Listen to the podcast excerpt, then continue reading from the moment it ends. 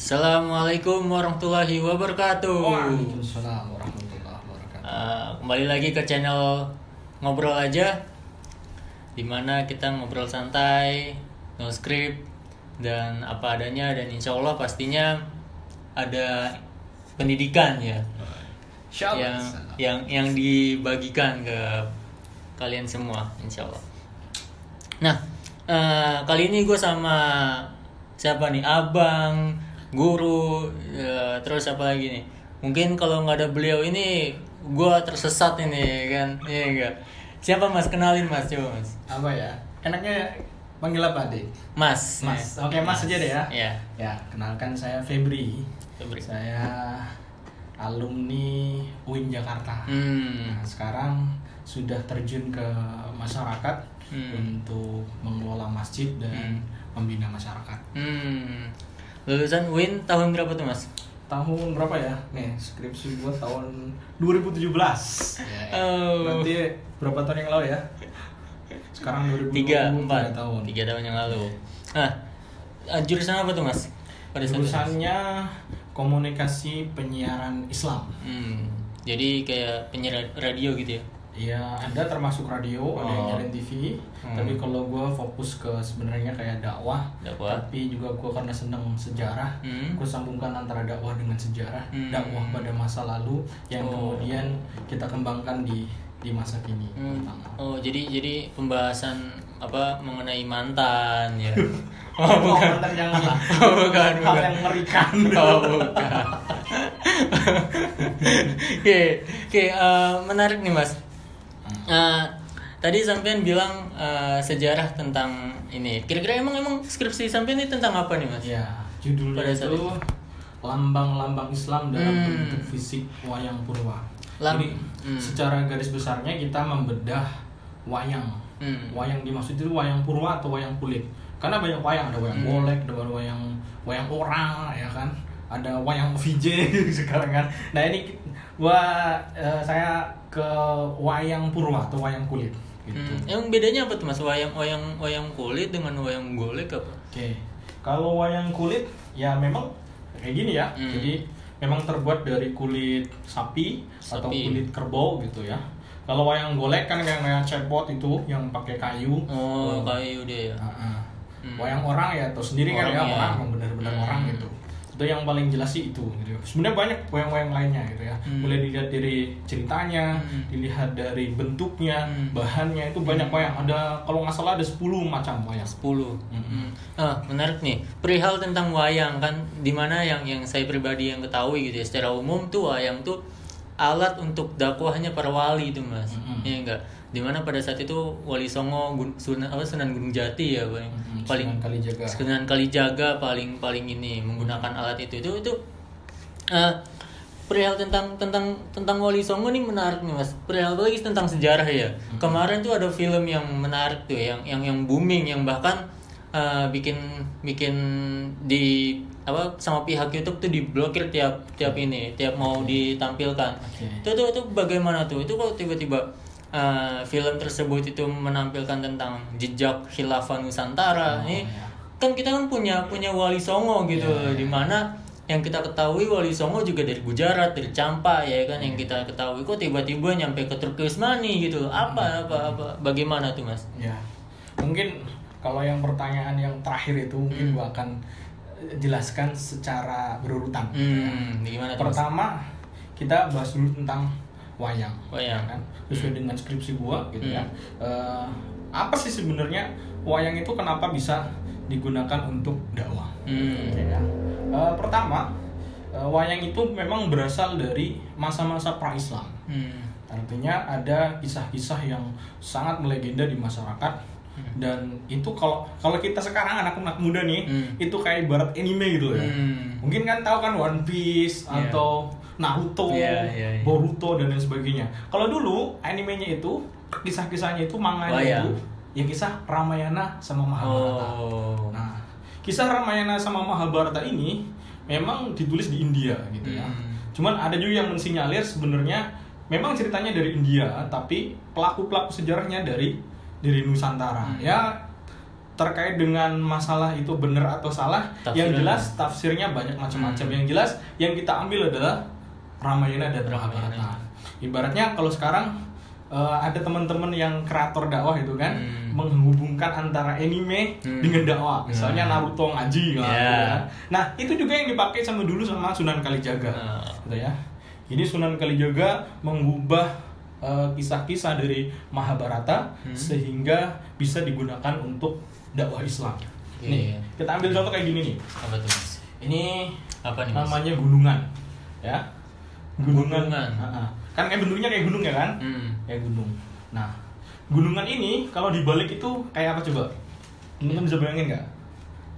Ini mirip jantung. Oh. Nah, ya kan?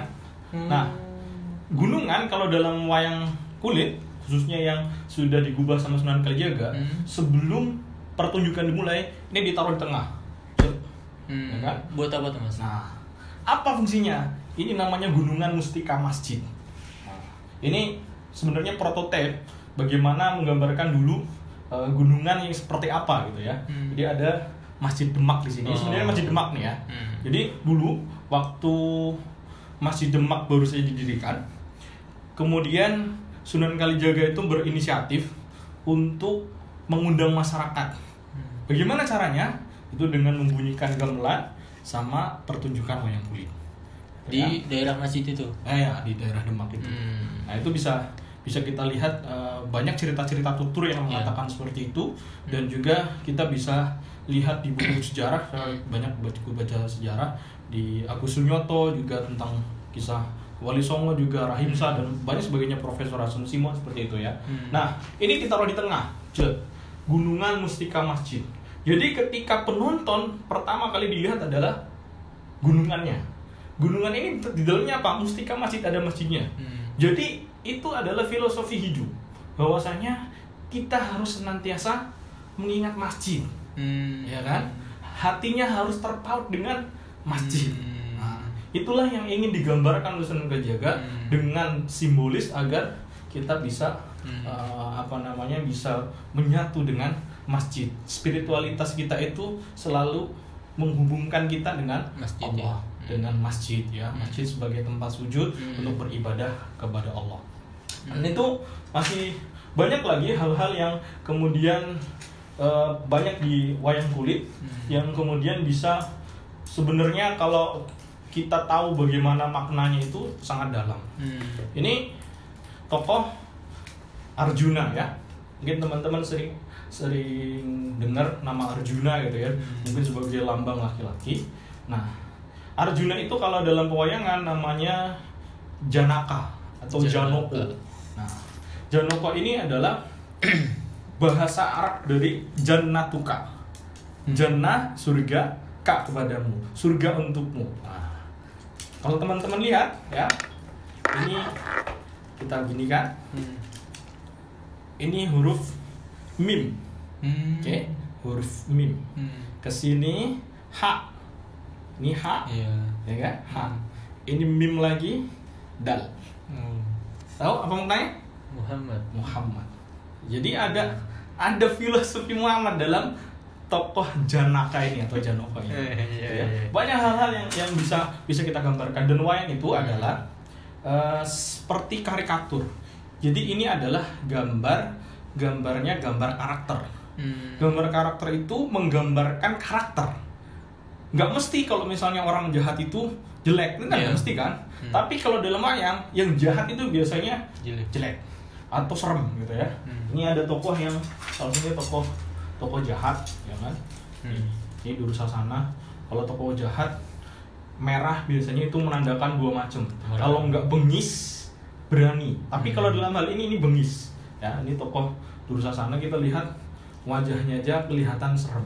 Iya. Mungkin dulunya kalau misalnya ada karakter yang yang apa ya kalau misalnya ini sebagai tokoh sejarah mungkin dia nggak nggak seperti ini gitu ya Hmm. cuman ini menggambarkan karakter nah, bagaimana agar karakter-karakter yang jahat dalam pewayangan itu kemudian digambarkan Hmm. fungsinya untuk apa biar ini sebagai pelajaran yang baik harus kita ambil contoh Hmm. dan yang buruk-buruk itu harus kita tinggalkan dan masih banyak lagi tentang eh, simbolisasi simbolisasi dalam pewayangan. Hmm. Nah itulah yang kira-kira saya tulisin di skripsi ya. Skripsi. Dan skripsinya itu ngerjain satu setengah tahun mas. Satu setengah tahun. Ya, ya mungkin nanti Iya. mas ngerasain lah ya. Iya. Jika ngerasain bagaimana nanti sudah ngarep skripsi. Hmm. Berapa lembar mas? Ini kurang lebih berapa ya? Iya. Hampir 250 lah ya. Hampir 250 ya. Satu setengah tahun. Ya satu setengah tahun. Oke.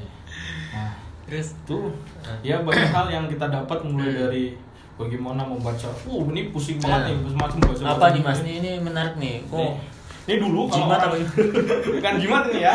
Ini dulu ketika orang-orang eh, mau nulis belum Hmm. ada kertas, Hmm. ditulis di daun lontar. Oh, ini daun lontar. Di daun lontar Hmm. kemudian ditulis sama orang-orang dulu ya. Ini hurufnya juga huruf Hmm. Hana Caraka.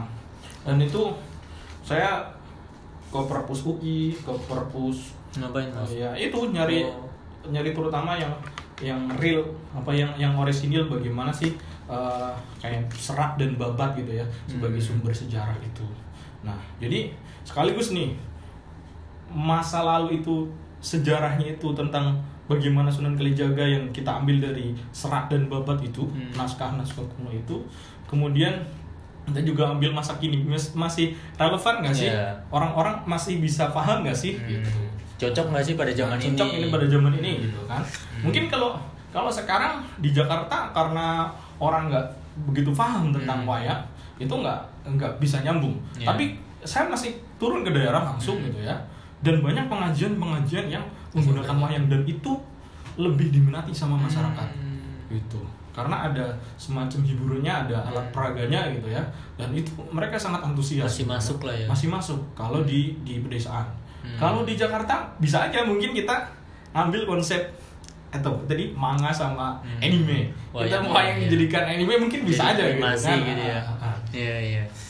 iya kurang lebihnya Nah, gitu ya nah, nah itu tuh, tuh, tuh tadi tadi pertanyaan saya yang, yang Hmm. tadi tuh mas perihal tentang wayang tuh terus eh, menjadikan dakwah Mm-mm. eh, alat-alat alat dakwah buat Mm-mm. buat ke masyarakat gitu. Mm-mm.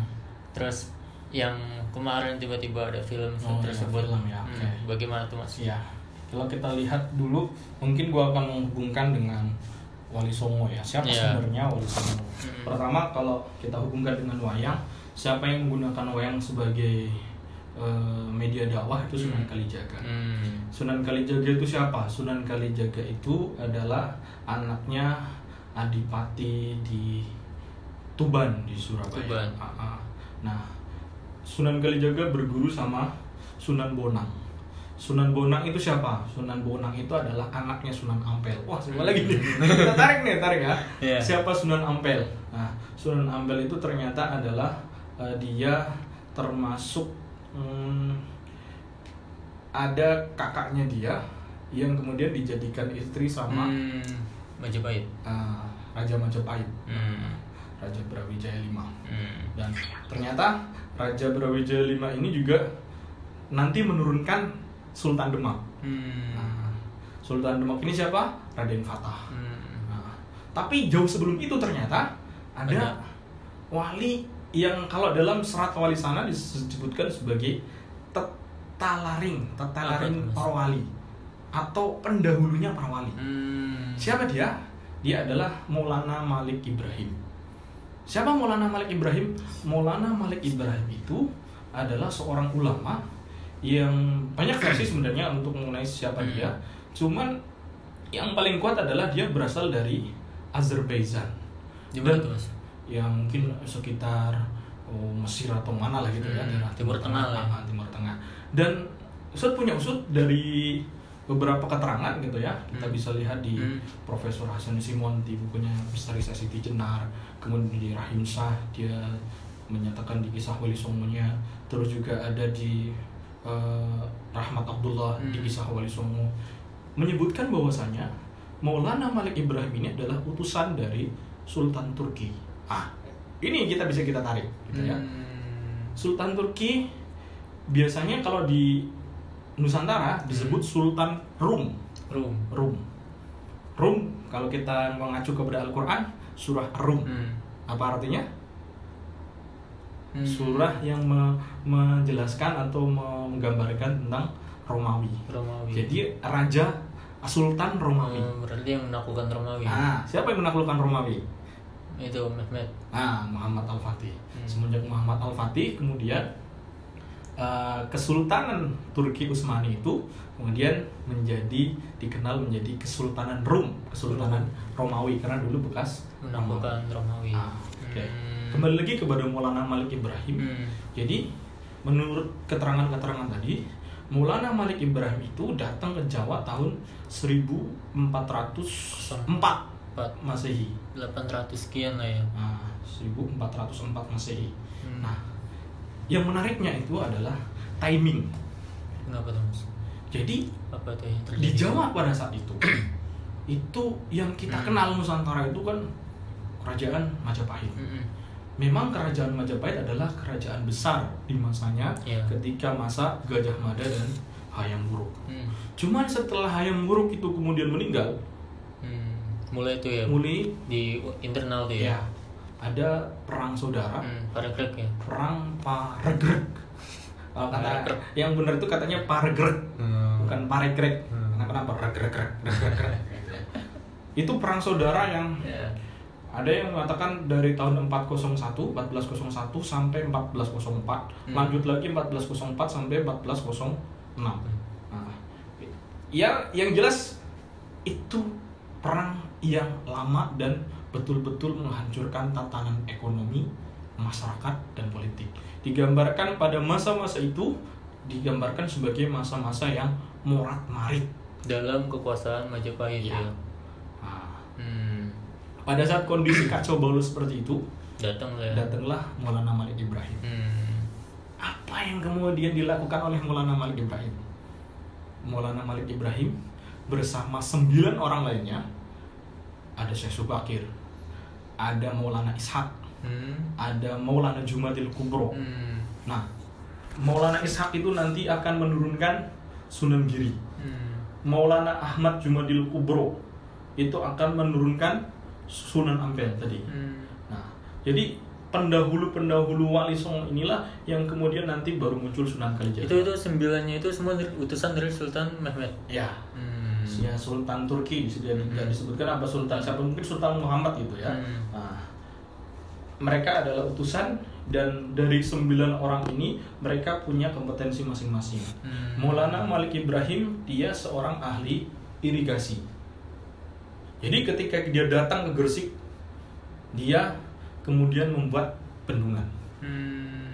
Mungkin Mas Dika menggambarkan ya bagaimana Iya. perang yang bertahun-tahun itu bagaimana kondisi Hancurnya ya. Ya. Hmm. Persawahan hancur, Hmm. kemudian masyarakatnya juga Lontang-lanting paling ya. Pontang-panting. Nah, dia membuat irigasi, membuat konsep persawahan yang Hmm. maju, yang lebih maju pada saat itu. yang nggak kepikiran sama masyarakat situ Iya. ya kok bisa gitu Ya. Hmm. Ya, kenapa? Karena dia ahli juga ahli dan dia pernah di Mesir dia Hmm. pernah apa namanya eh, persawahan bagaimana di sistem persawahan di Sungai Nil dan Hmm. sebagainya. Kemudian itu diterapin di di Jawa di Gresik Hmm. dan itu terbukti dengan di batu nisannya. Kalau teman-teman lihat batu nisannya dibaca di situ bagaimana penguasa setempat orang-orang Majapahit itu sangat mengagungkan sosok Maulana Malik Ibrahim Hmm. gitu ya karena jasanya dia itu ya biasanya dia itu bahkan dia apa ya eh bahasanya di situ adalah junjungannya para raja Hmm. Nah, gitu kan ya mungkin teman-teman bisa bisa search ya bagaimana eh, kata-kata yang ada di di apa di di apa namanya? Batu nisan. oke. Nah itu. Dan Orang itu juga menjadi menjadi alat buat dakwah penyebaran Islam juga ya? Ya. Sebagai apa dia tuh kayak membuat irigasi sambil Ah, berdakwah ya gitu. ah.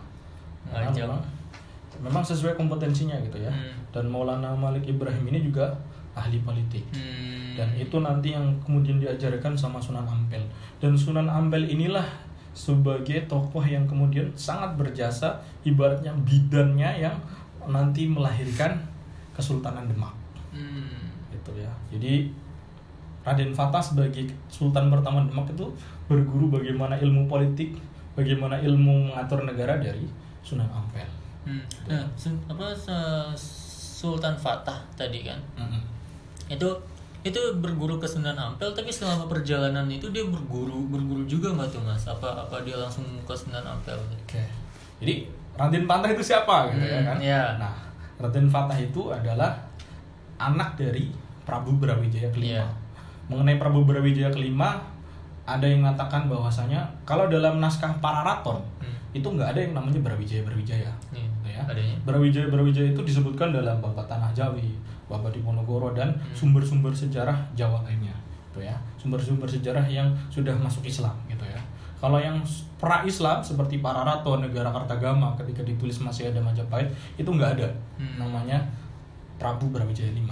Tapi Prabu Brawijaya V ini itu nanti kita bisa mengidentikan dengan sosok Prabu Kertabumi. Kertabumi Nah, Prabu Kertabumi ini nanti dia punya istri, istri dari Cina. Nah, keturunan Cina, keturunan ini dah keturunan Cina. Cina, ya. Nah, yang Campai itu yang eh, saudaranya Sunan Ampel tadi, Oh. Nah, bibinya Sunan Ampel kalau nggak salah. Nah, yang dari Cina ini kalau nggak salah namanya Siu Banci. si ya kan? Banci Nah, dari selir Cina ini kemudian lahir nanti tokoh eh, Raden Fatah. hmm. Sultan Fatah yang nama kecilnya itu Jinbun. Sinbun Nah, ada nama lainnya Raden Husen. Nah, dan dia di dititipkan ke Palembang gitu ya karena dia ada ada punya anak juga di Palembang si sang Prabu itu. Nah, kemudian dia nanti setelah ke Palembang dikasih tahu bahwasanya dia adalah sebenarnya anak dari Prabu Brawijaya di Majapahit. Maka dia ke Majapahit. Dan dalam perjalanan ke Majapahit itu dia juga ketemu Sunan Sunan Gunung Jati di Cirebon dan Hmm. sebagainya. Tapi yang paling apa ya? paling berguru lama ke Sunan Ampel. Ampel.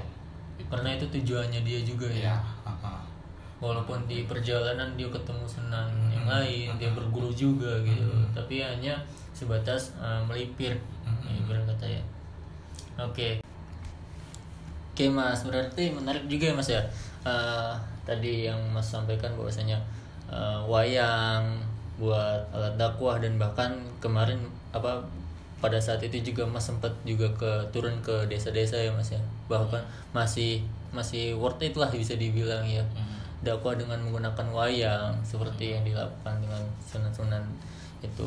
Nah, eh, terakhir nih mas kata-kata terakhir nih, mas buat yang nonton tuh mas apa tuh pesan dan kesannya ya, ya pesannya. Oke. Untuk Wali Songo, kita bisa mengambil pelajaran dari mereka bahwasanya mereka adalah juru dakwah yang sukses. Hmm. Apa bukti kesuksesan mereka adalah mereka mampu mengubah Nusantara, Jawa Hmm. yang tadinya Hindu Buddha Hmm. kemudian berubah menjadi Islam. Hampir 90% masyarakat di Jawa, penduduk di Jawa muslim semuanya. Itu karena jasa siapa? Jasa para wali songo. Dan mereka juga menggunakan berbagai macam media dakwah yang pada saat itu itu sangat digemari oleh masyarakat dan sebagai contohnya adalah tadi seperti wayang karena banyak masyarakat yang gemar terhadap wayang maka Sunan Kalijaga mengubah wayang sehingga dapat digunakan sebagai media dakwah. Kemudian yang kedua, mengenai sejarah. Sejarah itu penting dan kita juga harus melihat sejarah dengan objektif dan jangan sampai kita tertipu dengan sejarah yang banyak dikuburkan dan dikaburkan. Terutama adalah sejarah yang mengecilkan peran Islam, peran khilafah bisa jadi pada Nusantara.